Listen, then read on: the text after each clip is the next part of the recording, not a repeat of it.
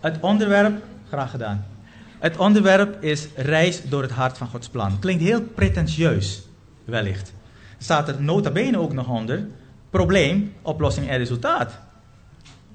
Waar het om gaat, is dat in het verlengde van de drie vorige studies, uh, ik jullie mede mee wil nemen om nog meer inzicht te krijgen in de grootheid van God. In die grootheid van God. En uh, daartoe heb ik veel schema's voorbereid.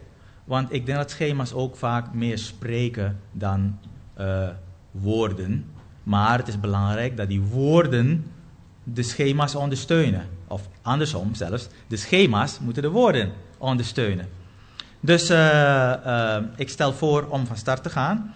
Uh, belangrijk is nog te vermelden dat de drie aspecten daaronder, probleem, oplossing en resultaat, voorafgegaan zullen worden door, noem het maar, het grote plaatje. Het is belangrijk om het plan van God en het hart van het plan van God te zien in het licht van het grote plaatje. Zodat we nog meer inzicht kunnen krijgen in wat God uh, van plan is, maar met name ook hoe hij het van plan is. Hoe doet hij het nou? Bijvoorbeeld, als we ons afvragen, oh, wat is dan het kader? Hè? Het, het, het kader waarbinnen het verhaal van schepping, drama, redding en heerlijkheid zich afspeelt. We kunnen ons afvragen, hoe heeft God het probleem van de zonde nou precies opgelost? Wat was zijn formule daarvoor? Hoe heeft hij het opgelost? Want al uh, in de vorige studies konden we zien dat zonde niet, voor niemand, uh, niet, niet, niet toevallig in het plan is geslopen.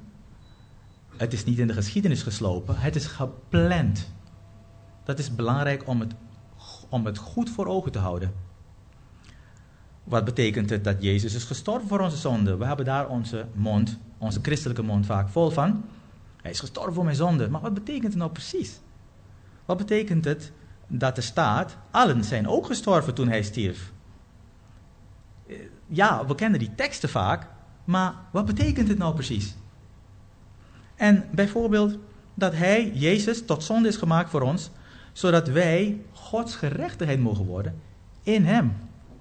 Wauw. Allemaal teksten die ons bekend in de oren klinken en soms die ons bekend zijn. En toch, wat betekent het nou precies in het licht van het geheel? Waarom moest, Jezus waarom moest het per se Jezus zijn? Waarom moest Hij de sleutelrol spelen en niet iemand anders? Jezus, zijn bloed heeft ons gereinigd van alle zonden. Dat is bekend. Maar waarom moet het Jezus zijn? Waarom Jezus? En niet iemand anders? Ik weet niet of jullie je die vraag al hebben gesteld, maar ik heb het wel gesteld in het verleden. En uiteraard uh, Goswin heeft het woordje contrast, uh, het begrip contrast uitgebreid behandeld. Ik ben zo blij met Gerard, André Goswin dat al deze zaken alvast uh, naar voren zijn gebracht, zeg maar, zodat we een compleet beeld kunnen krijgen, zoals ik al eerder zei. Hoe ziet dan die structuur eruit? Want als er één ding is wat ik aan het leren ben en waar ik in aan het groeien ben, is dat God ongelooflijk gestructureerd is in zijn werkwijze. De uitgangspunten die ik al eerder had aangehaald, heb ik hier herhaald. Met als toevoeging daaronder uh, de vertaling die ik gebruik, met misschien hier en daar een hele minime aanpassing, is van schriftwoord.nl. Voor jullie informatie. Nu, laten we met elkaar nadenken. God heeft een doel. Hij heeft een doel met zijn schepping. Hij heeft een doel. Maar het doel ligt ergens in de verre toekomst. Dus de, de vraag is, we weten dat het doel is, maar ja, dat doel, als we God kennen, dan weten we dat hij groot is. Hij is almachtig en hij is liefdevol. Dus zijn doel moet gedreven zijn door gigantische liefde. Onvoorwaardelijk, no strings attached. Geen condities. Ook wordt zijn doel op het spoor gehouden, dus de koers daar naartoe, door zijn gigantische almacht. Er, er is geen afwijking van het spoor mogelijk. Dat is niet mogelijk. Dat is God. Grootheid, almacht. Vervolgens kenmerkt zijn plan zich ook door zijn zeer diepe, onmetelijk diepe wijsheid. Dat is waar ik het vandaag over wil hebben. Voordat wij, voordat het doel van God bereikt wordt, zijn er enkele stappen, maar het is meer ter illustratie.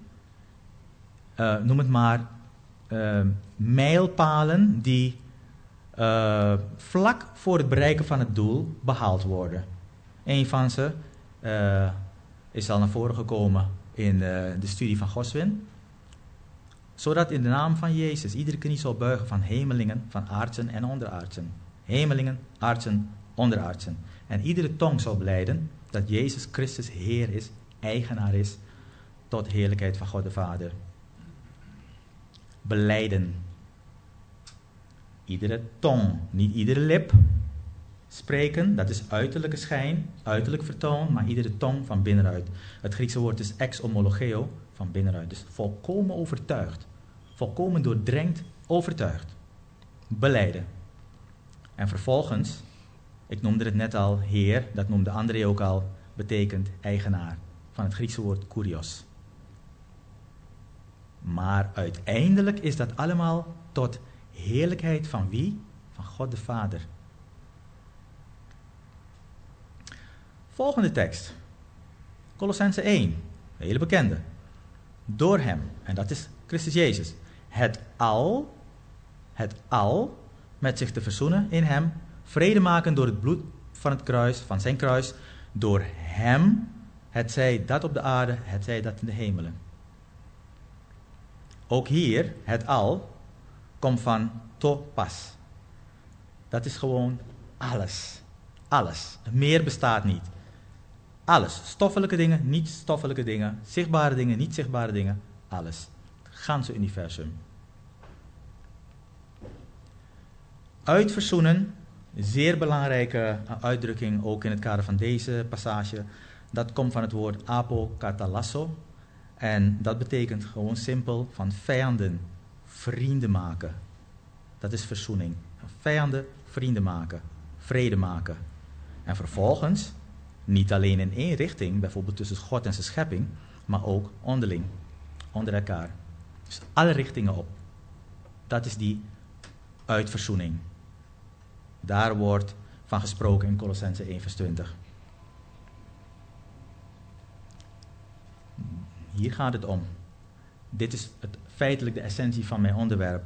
Vrede maken door het bloed van zijn kruis. Net was de vraag, hoe heeft God het gedaan? Hè? Hoe heeft God het probleem opgelost?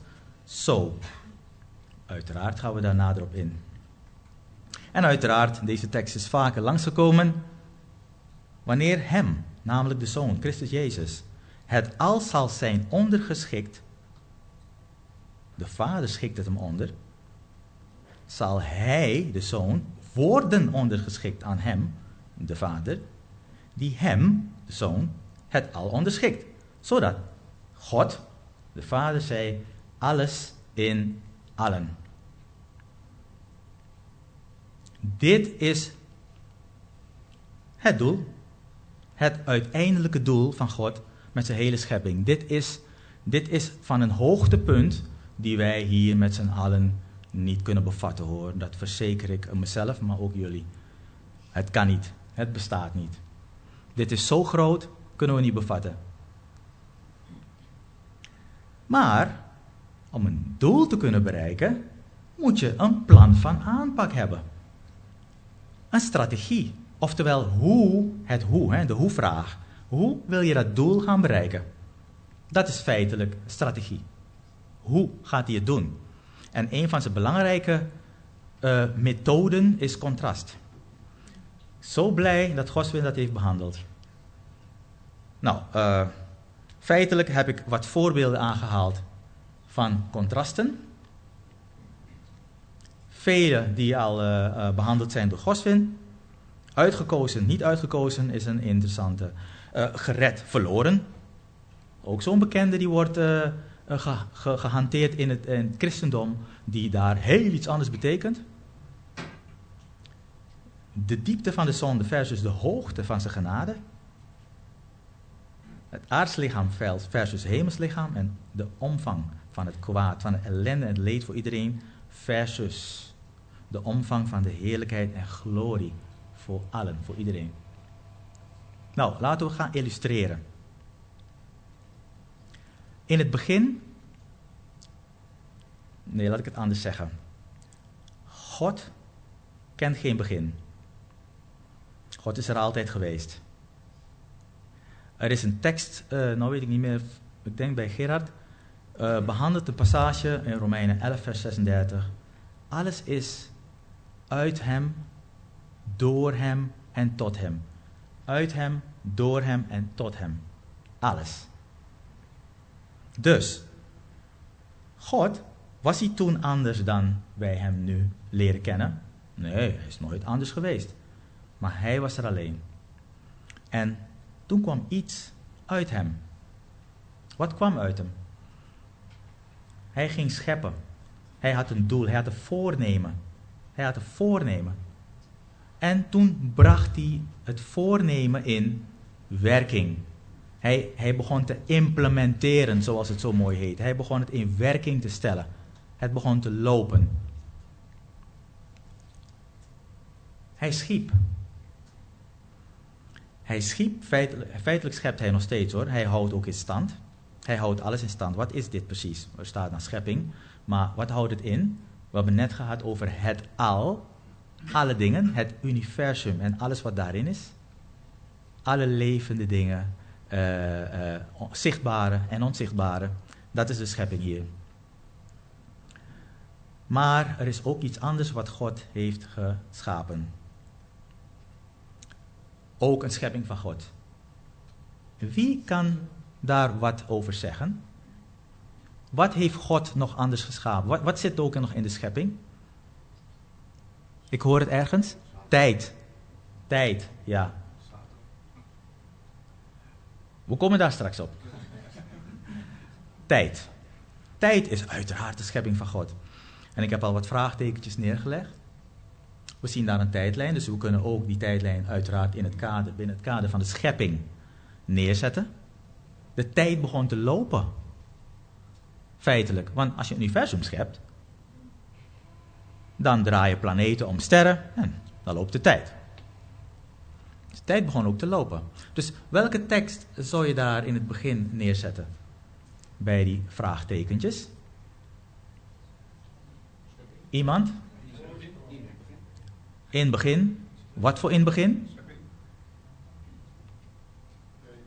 Wat dacht je van deze? In begin schiep God, de Elohim, de hemelen en het land. Dat is feitelijk het begin van de schepping. Zou je kunnen zeggen. Hè? Ik, ik ga jullie proberen ook een beetje mee te nemen. Een beetje te dwingen ook om, om mee te denken. Om wat te reageren soms. Zodat jullie echt, zodat die raders van ons allemaal aan het werk gezet worden. Uh, wat zou je dan aan het einde neerzetten aan passage in het woord? Welke tekst? Iemand? Alles in allen. Alles in allen hoor ik. Dat is die tekst die net behandeld is. Ik zou geneigd zijn dat uh, deels goed te rekenen. maar, nu, nu breng ik jullie op een. Um, uh, het is geen dwaalspoor hoor, maar ik wil jullie dwingen om na te denken. Wat dacht je van deze tekst? ga ik ook uitleggen.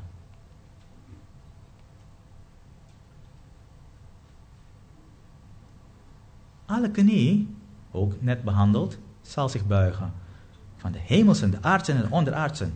Waarom deze tekst en niet alles in allen? Precies. Het punt is, waar hebben we het hier over? Dan hebben we het over deze twee teksten. Hè? Begin, einde van dit rode rondje. Oftewel de schepping. die we kennen. Waarom is het Filippenzen? Omdat daar wordt gesproken over, het is net al genoemd, onderwerping.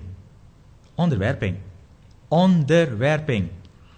Weet je nog? Alle krachten, alle machten zullen hem, de Zoon, Christus Jezus, onderworpen worden.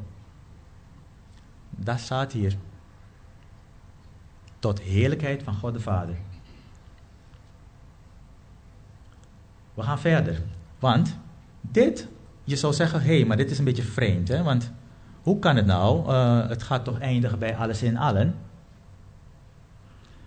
Dat zou je zeggen. Oh, we gaan verder, want het verhaal is nog niet af. Is namelijk dit het plaatje? Is dit het grote plaatje? Ik opteer om te zeggen nee. Dit is niet het grote plaatje. Want er is iets wat we hebben weggelaten, wat ik bewust heb weggelaten. Wat zou het zijn? Iemand. Dat de dood wordt verzwolgen in de overwinning. Ja, dat gaat gebeuren, uiteraard. Maar uh, wat ik bedoel is, wat heb ik weggelaten in het grote plaatje, in zo'n plaatje? Letterlijk dit schema. Wat heb ik weggelaten in dit schema? Precies. Ik hoor net een, een, een antwoord, het middel, de zoon.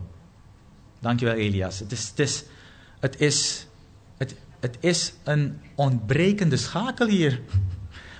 We praten hier over onderwerping aan Jezus.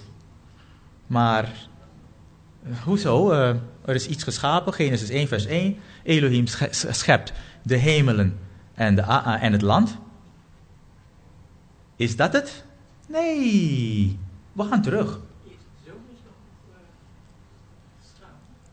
Kijk eens.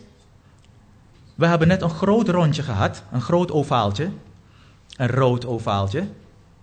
Maar eerst hebben we een ander ovaaltje, een, een kleiner ovaaltje. We kunnen dat noemen, precies, we kunnen dat noemen het woord.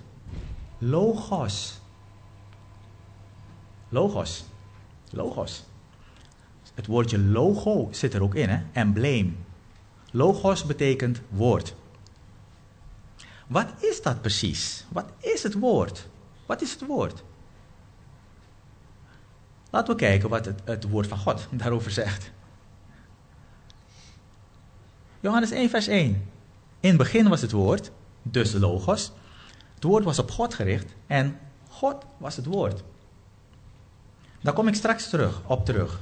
Met betrekking tot de plek die deze passage krijgt binnen dat net getoonde uh, plaatje, dat grote plaatje. En hé, hey, dit is de volgende stap. Dus God schept logos. Logos komt uit God komt uit de Vader. En vervolgens heb je schepping. Dit is de volgorde. God schept logos. En doorheen logos schept hij de rest. Hebben jullie hem? Hoe zou je dit kunnen noemen? Laten we verder gaan. Colossense 1, bekende tekst die is, eh, we praten dan hier over Christus Jezus, die het beeld is van de onzicht, God, de onzichtbare en eerstgeborene van heel de schepping. Eerst was er Logos. Andere passage. Wat dachten jullie van deze? Openbaring 3, vers 14.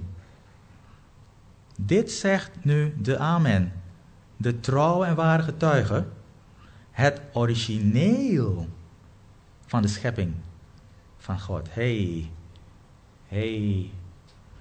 Dus we praten hier over origineel en kopieën. Origineel en kopieën. Niet dan? Origineel en op basis van die specificaties heeft hij de rest geschapen. Dat betekent, alles is in Hem geschapen. Alles is op basis geschapen van Hem. Namelijk van Logos.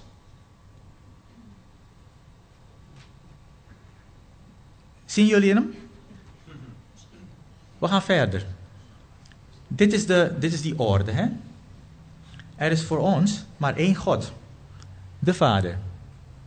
Uit wie het al is.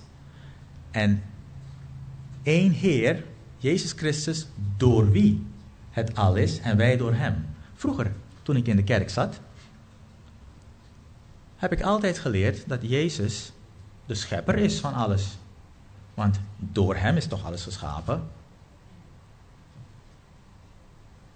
Maar als je dit goed, ehm, als je hier goed over nadenkt en je, je pakt het woord als uitgangspunt, dan is alles geschapen doorheen, op basis van het woord.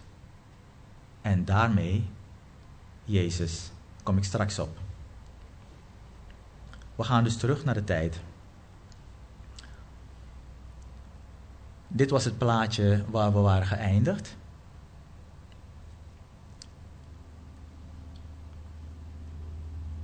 En ik stel voor om dit plaatje, dit plaatje, uh, anders te draaien, anders te bezien. Namelijk vanuit het oogpunt van God.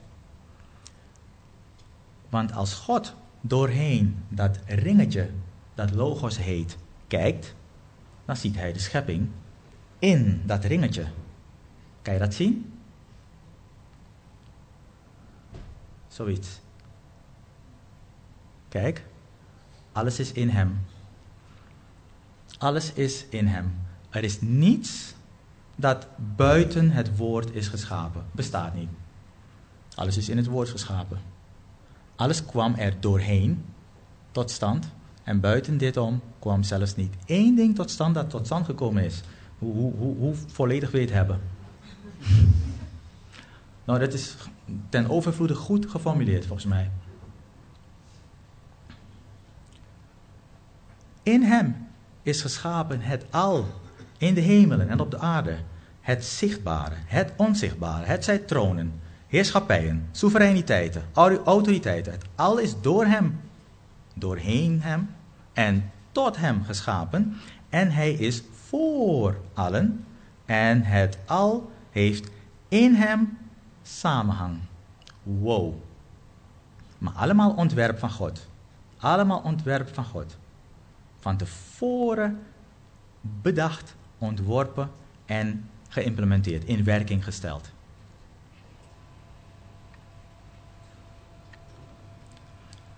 We zetten die tijdlijn ook hier neer. Want het plaatje begint er nou anders uit te zien. Wat dachten jullie hiervan? We hebben net gehad Genesis 1, vers 1. Maar dat was het rode. Dat was het, even kijken. Ja, het was het rode gedeelte.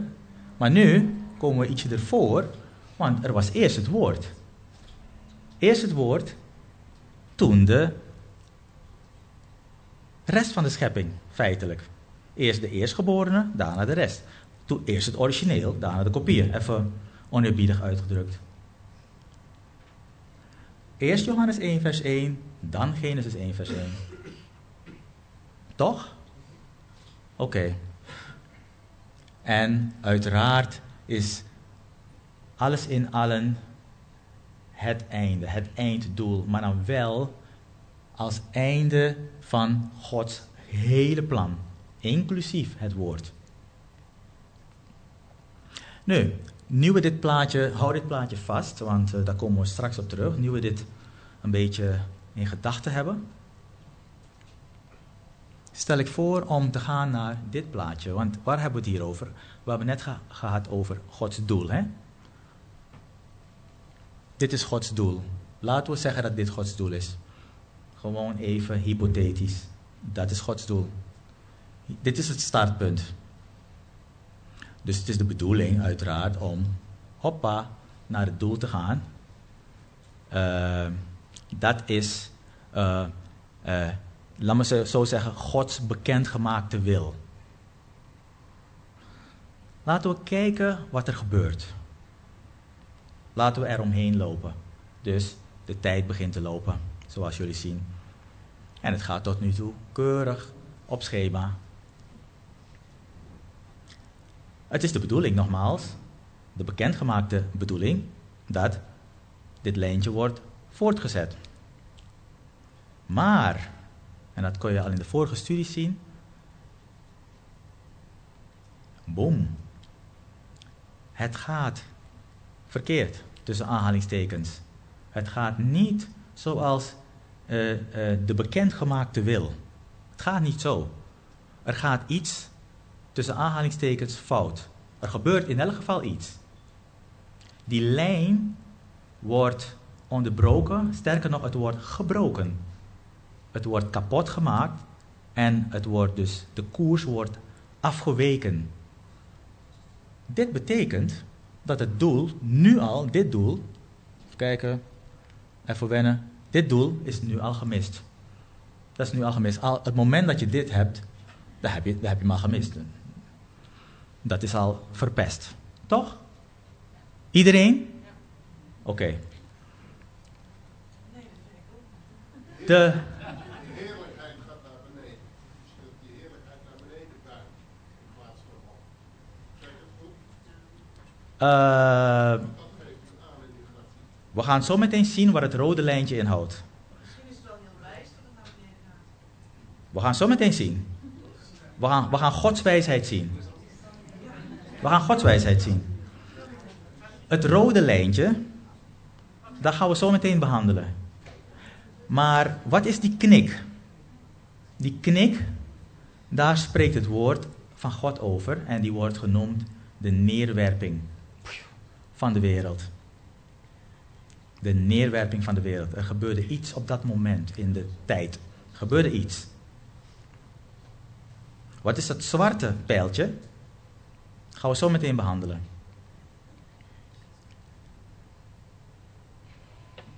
We hebben al gezien in de vorige studies dat God en niemand anders het kwaad heeft gemaakt.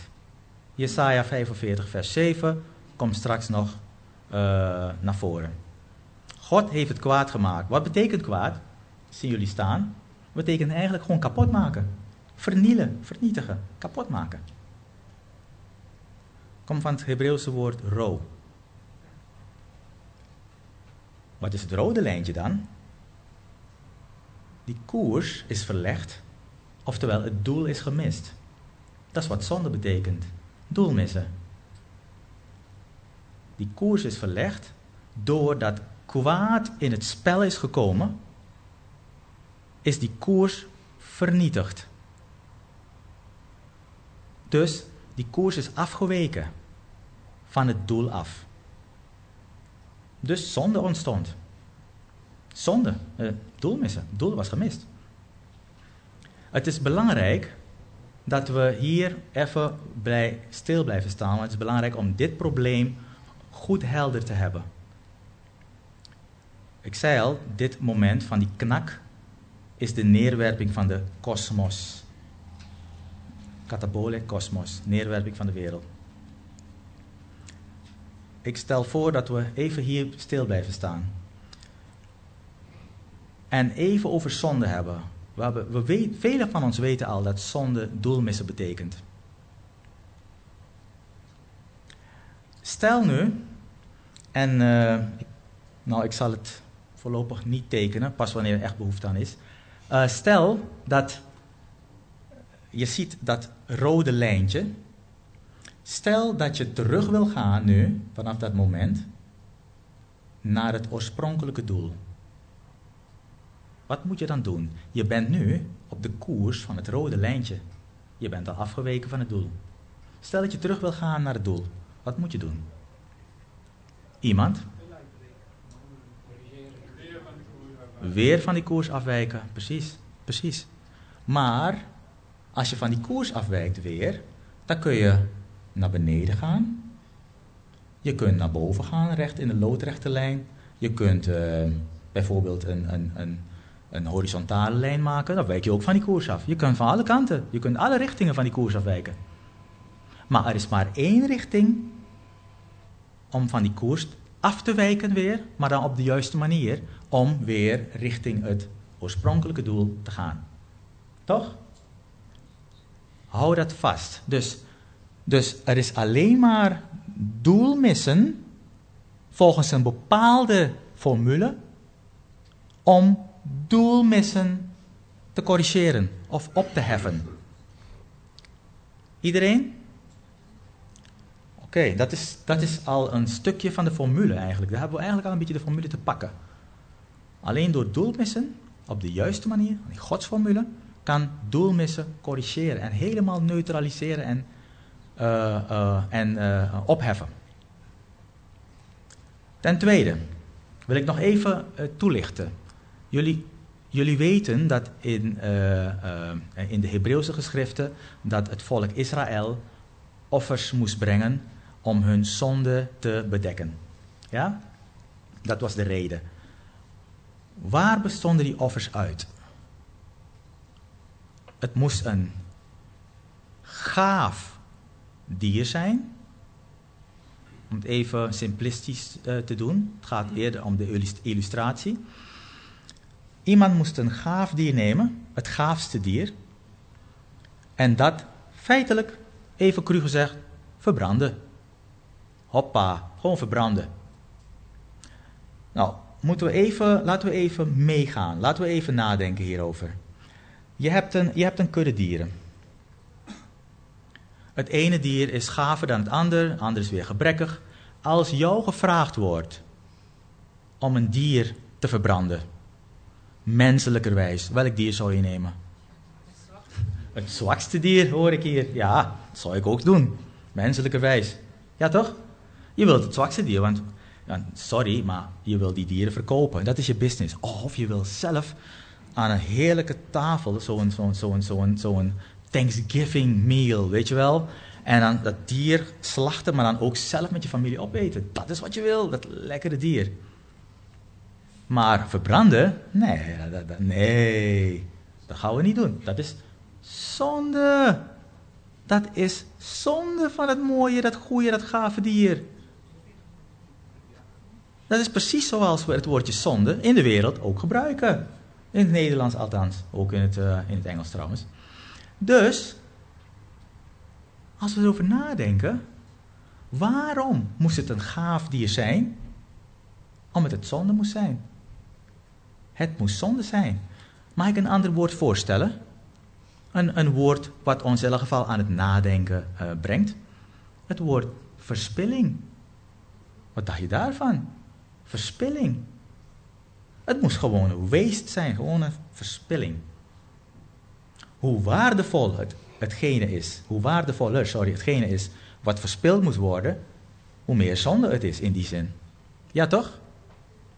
Hou het vast. Hou het vast. Jullie weten al waar het naartoe gaat. Nou, het is belangrijk om dit goed te pakken. Zonde voor zonde. Dat is het punt. Deze tekst. Hele interessante, bekende, interessante tekst. Hoe zonde de mensenwereld binnenkwam. Net zoals één mens de zonde de wereld is binnengekomen, Adam uiteraard, en door de zonde de dood, let op die volgorde, zo is ook de dood door, uh, zo ging ook de dood door in alle mensen, waarop allen zondigen zondigden. Zie die volgorde? Nog even kort samengevat. Een mens overtreedt. Zonde komt de wereld binnen. Door die zonde komt dood de wereld binnen. Die twee gaan samen. Namelijk, de zonde is de prikkel van de dood. Staat geschreven, hè? 1 Korinthe 15. En de wet is de prikkel van de zonde. Dat heeft Goswin heel mooi uh, verwoord met zijn zoontje. De wet is de prikkel van de zonde. Nou, wat ging door naar alle mensen toen de dood de wereld inkwam? De dood. De dood ging door naar alle mensen. Dat is het gevolg voor alle mensen. Iedereen wordt geboren als sterfeling. En omdat we worden geboren als sterfeling, zondigen wij. Daarom zijn we zondaars. Omdat we al van tevoren, tijdens ons, vanaf onze geboorte, doelmissers zijn. Namelijk, we gaan al sterven. Dat is één ding dat zeker is. Dat maakt de mens een zondaar. Heeft niets, heeft geen enkel verbinding met moraliteit of zoiets. Omdat we stervelingen zijn, zijn we zondaars. Punt. 1 Korinthe 15, net genoemd. De steek, de prikkel nu van de dood is de zonde en de kracht van de zonde is de wet. Dit is een belangrijke, dit is centraal eh, als het gaat om ons geloof. Wat geloven we nou precies? Ik geef door aan jullie ten eerste, straks komt deze tekst terug. Wat ook ik aanvaarde, zegt Paulus. Dat Christus stierf voor onze zonden na de schriften en dat hij werd begraven en dat hij werd opgewekt op de derde dag na de schriften. Dit is belangrijk. Wanneer gebeurde dat? Laten we stellen in het schema dat het op dat moment gebeurde. Dus het werd steeds erger. En op dat moment in de tijd gebeurde dat. Jezus werd gekruisigd. Hij stierf, werd begraven en hij stond op op de derde dag. Dit is essentieel, essentieel in Gods hele plan van redding en heerlijkheid. Dit is essentieel. Als we hierover nadenken, ik zei al in het begin dat God groot is en alles is ontworpen. Alles is van tevoren ontworpen al, bedacht. Dan zien we hier dat in Gods gedachten, laten we, uh, laten, we eens 1 Petrus uh, behandelen. Daar staat er hier met het bloed, met het kostbaar bloed van Christus. Als van een vlekkeloos en onbesmet lam, tevoren gekend, ja, voor de neerwerping van de wereld, maar bekendgemaakt op het laatste van de tijden vanwege jullie. Waar ik hier de nadruk op wil leggen is het, het woordje uh, gekend, tevoren gekend, voor de neer, neerwerping van de wereld. En daar zie je dat pijltje naar beneden, dat stippenlijntje. Het is dus voor die knak, is het lam gekend. En vanaf die knak, vanaf de neerwerping van de wereld, is het lammetje ook geslacht. In Gods plan, in Gods gedachte. Zie jullie hem? Dat staat geschreven, hè? Nogmaals, dat knak, die knak is dus de neerwerping van de wereld. Waar gaan we naartoe? Net had ik het over uh, dat moment in de tijd waarop Jezus is gekruisigd, begraven en opgewekt. Waar, gaat, waar gaan we naartoe? We zijn nu, we hoeven om ons heen te kijken op het nieuws, in de kranten en in de media. En we zien wat er gebeurt om ons heen hè, in de wereld. Het is alleen maar erger geworden. Als we kijken naar de godsdienst, naar het christendom. Het is verschrikkelijk geworden. De, de afwijking van de afwijking van de waarheid. De afval, zoals, het heet, zoals Paulus dat mooi verwoordt in 2 Timotheus, is zo verschrikkelijk dat het christendom eigenlijk niets meer goed heeft. Alles is verdraaid.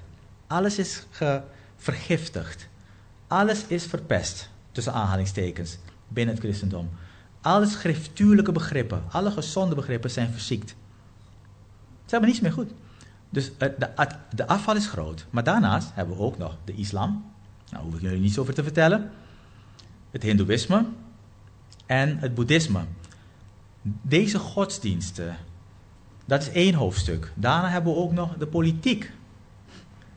Dat is, ander, is het andere hoofdstuk. God gaat met deze twee grootheden gigantisch afrekenen. Daarover kunnen jullie alles lezen in het boek Openbaring gigantisch afrekenen. Met de grond gelijk maken, nihil stellen, bij wijze van spreken. Dat is het plan. Maar tot die tijd gaat het kwaad verder. Ik verwoord even die rode lijn als het kwaad. Het wordt steeds erger, de zonde wordt steeds erger. Maar het gaat een bodem bereiken. Er komt een maximum. Het kwaad gaat erger worden nog, komende tijd. En behoorlijk erger ook. Maar er komt een maximum, oftewel er komt een bodem. Wie kan mij vertellen wanneer die bodem is bereikt? Niet zozeer de events, de gebeurtenissen die plaatsvinden, maar gewoon binnen het plan van God. Wanneer is die bodem bereikt? Wanneer heeft het kwaad zijn maximum bereikt? Iemand? Wat hoor ik? Als het getal vol is. Uh, ja, dat, daar, zit, daar zit ook wat in. Daar zit wat in. Maar ik zal snel verder gaan. Op dit moment, juist op dit moment, is de bodem bereikt. Op dit moment. Oftewel, er is. We, moeten, we moeten uh, even voordat ik verder ga, hè, we, laten we in gedachten houden waar we het hier over hebben. We hebben het over God. We hebben het over de realisatie van God. Wie is Hij? God is liefdevol. Kwaad, daar zit Hij niet op te wachten hoor. Kwaad is noodzakelijk in het plan van God. Maar het heeft een doel. Het heeft een ongelooflijk doel. Dus God zit niet te wachten om mensen pijn te doen. Hij doet het omdat het moet. Het is nodig omdat het daarna een gigantische heerlijkheid oogst. Dat is het, dat is, hou het vast. Dus God zal nooit meer kwaad de wereld insturen dan nodig is. Nooit.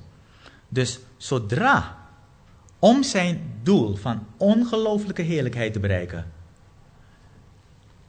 de, min, de minimum hoeveelheid kwaad bereikt is, wat dus nog niet bereikt is, het wordt nog veel erger, maar zodra het bereikt is, dan komt er een keerpunt, een zichtbaar keerpunt. Zien jullie wat ik bedoel?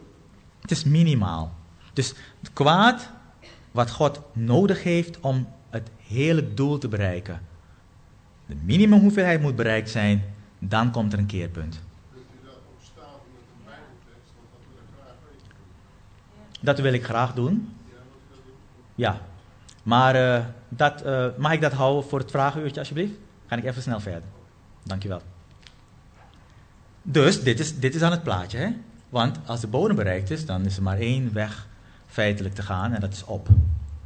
En eh, ik zal maar de kleuren niet helemaal toelichten. Het komt, er alleen maar het komt erop neer dat geleidelijk het proces geleidelijk beter wordt.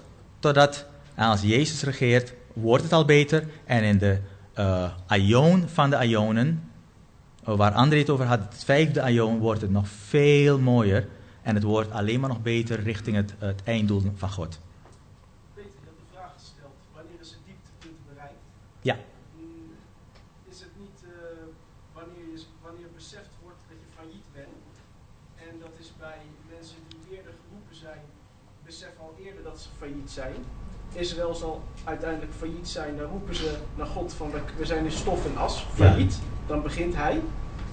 Later, als misschien Israël, maar dat, dat is hypothetisch, een ijzeren staf vormt, zullen ze die roede op de aarde tegen alle leugen gebruiken en zullen die mensen op nu ook een failliet punt ervaren en besef van God komen. Dus als het vat leeg is, met menselijk vernuft en vertrouwen, Ja, dan kun je- is die failliet, dieptepunt, dan kan hij iets inbrengen. Eh, ik hoor een eh, toevoeging van Elias, namelijk, eh, we hadden het net over eh, de bodem, hè, wanneer is de bodem bereikt.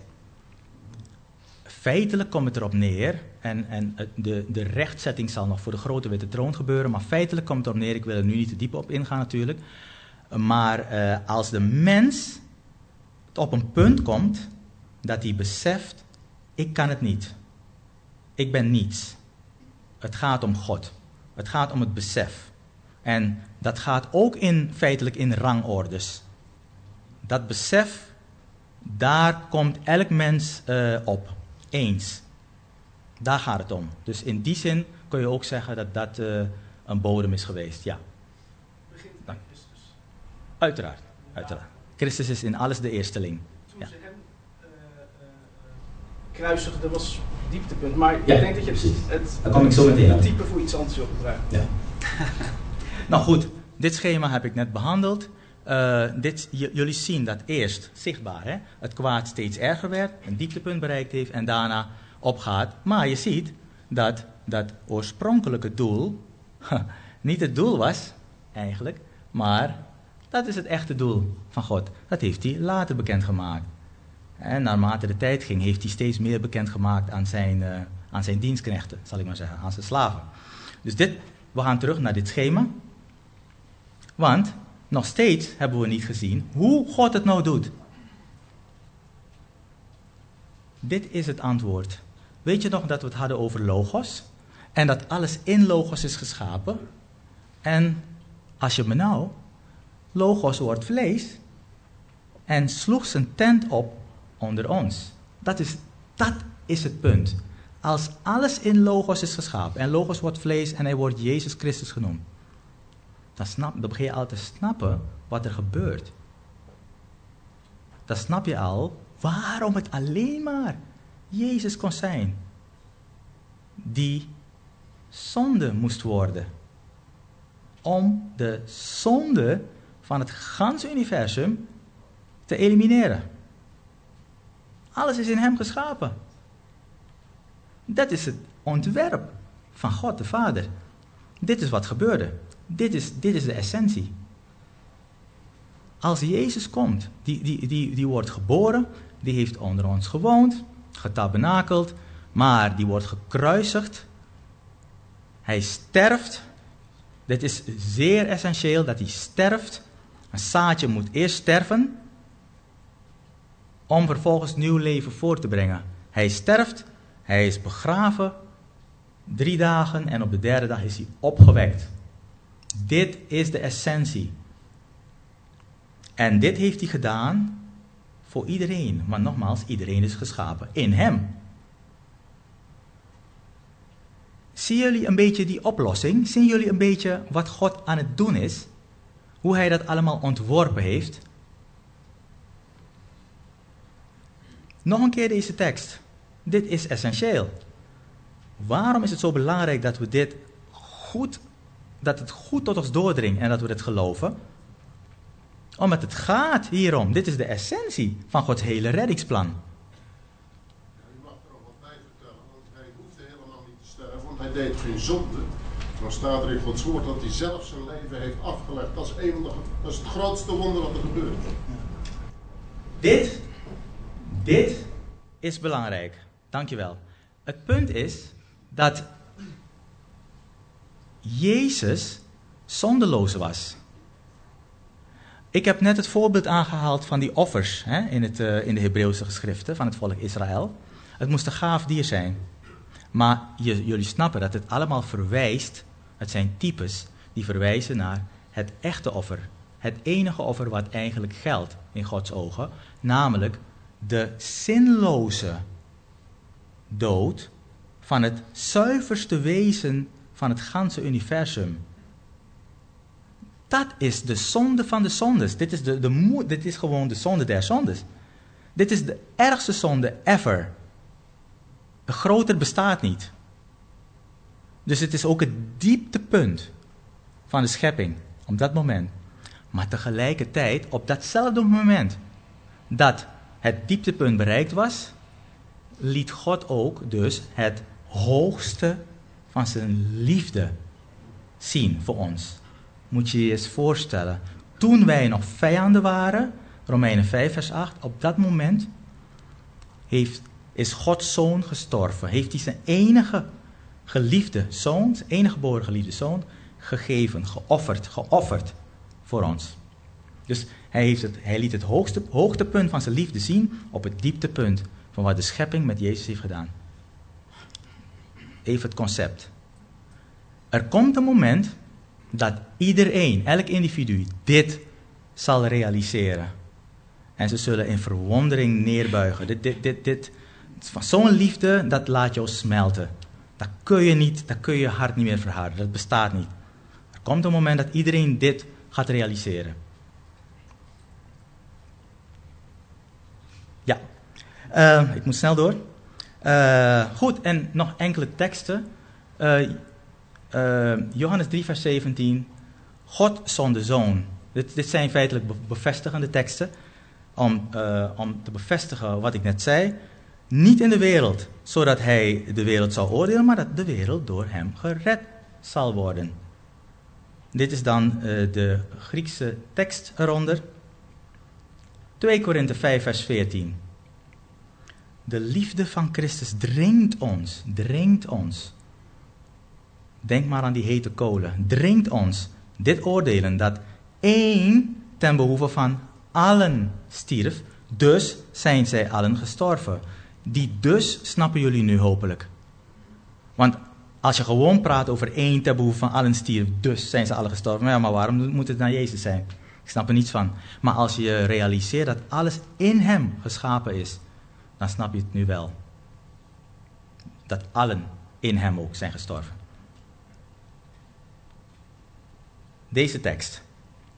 Want degene die geen zonde kende, daar komt hij, maakte hij ten behoeve van ons zonde.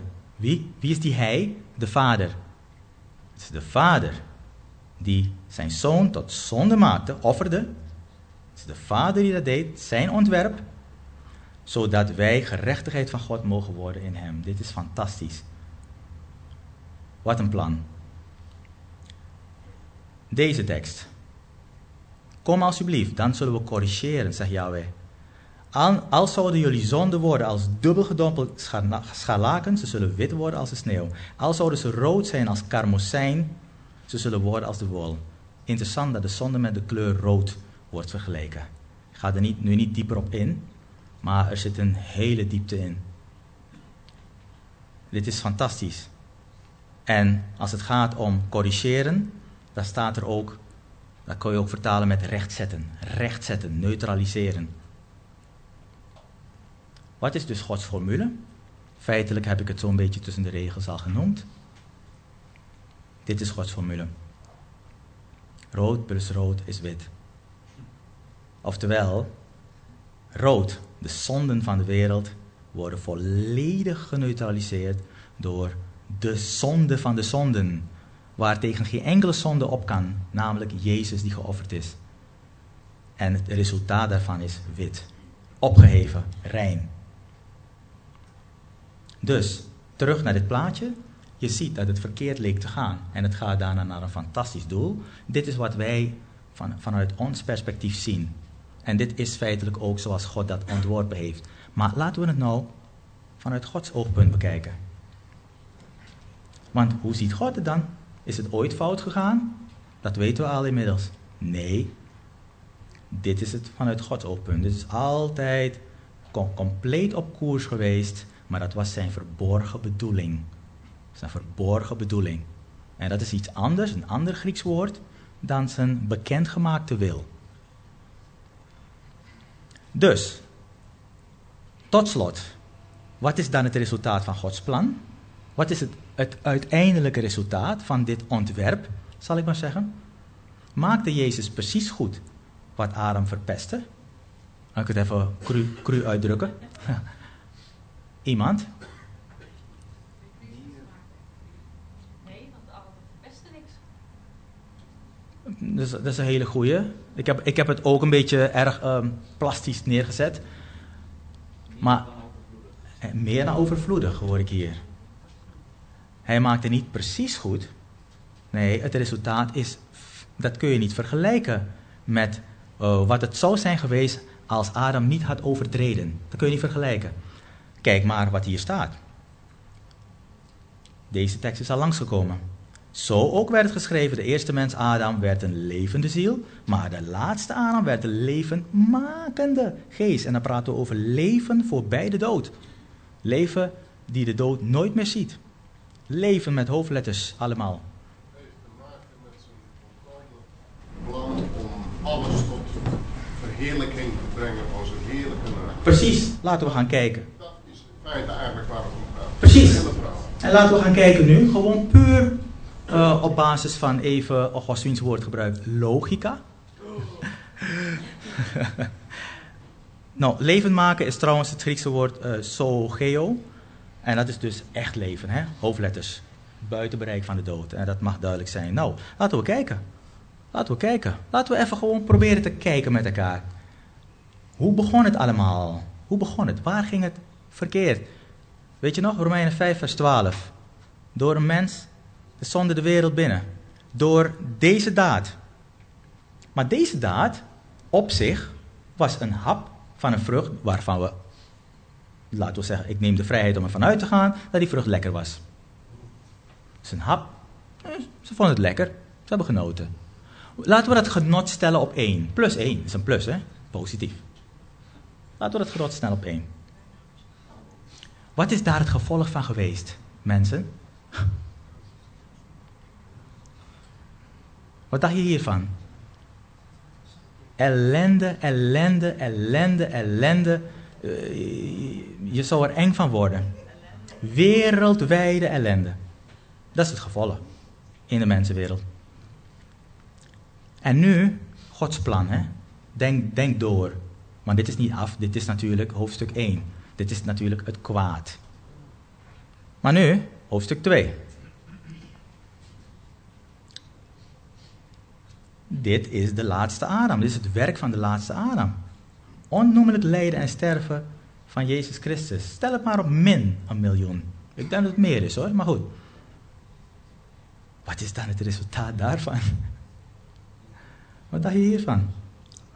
Dit zijn gewoon hypothetische cijfertjes en ik denk dat de werkelijkheid nog veel heftiger is. Maar om jullie een beetje een idee te schetsen van Gods ontwerp. Daar gaat het om. Dit is het resultaat van Gods plan. Dit is het resultaat van Gods plan. Die heerlijkheid vanwege het lijden en sterven van Christus is ongelooflijk. Dit is het gevolg. Dit is het ontwerp. Gestructureerd, helemaal. Hier gaat het om. Hier gaat het om. Het woord werd vlees en het woord uh, en Jezus, onze Heer, onze eigenaar, hij stierf en hij stond op. Hartstikke bedankt.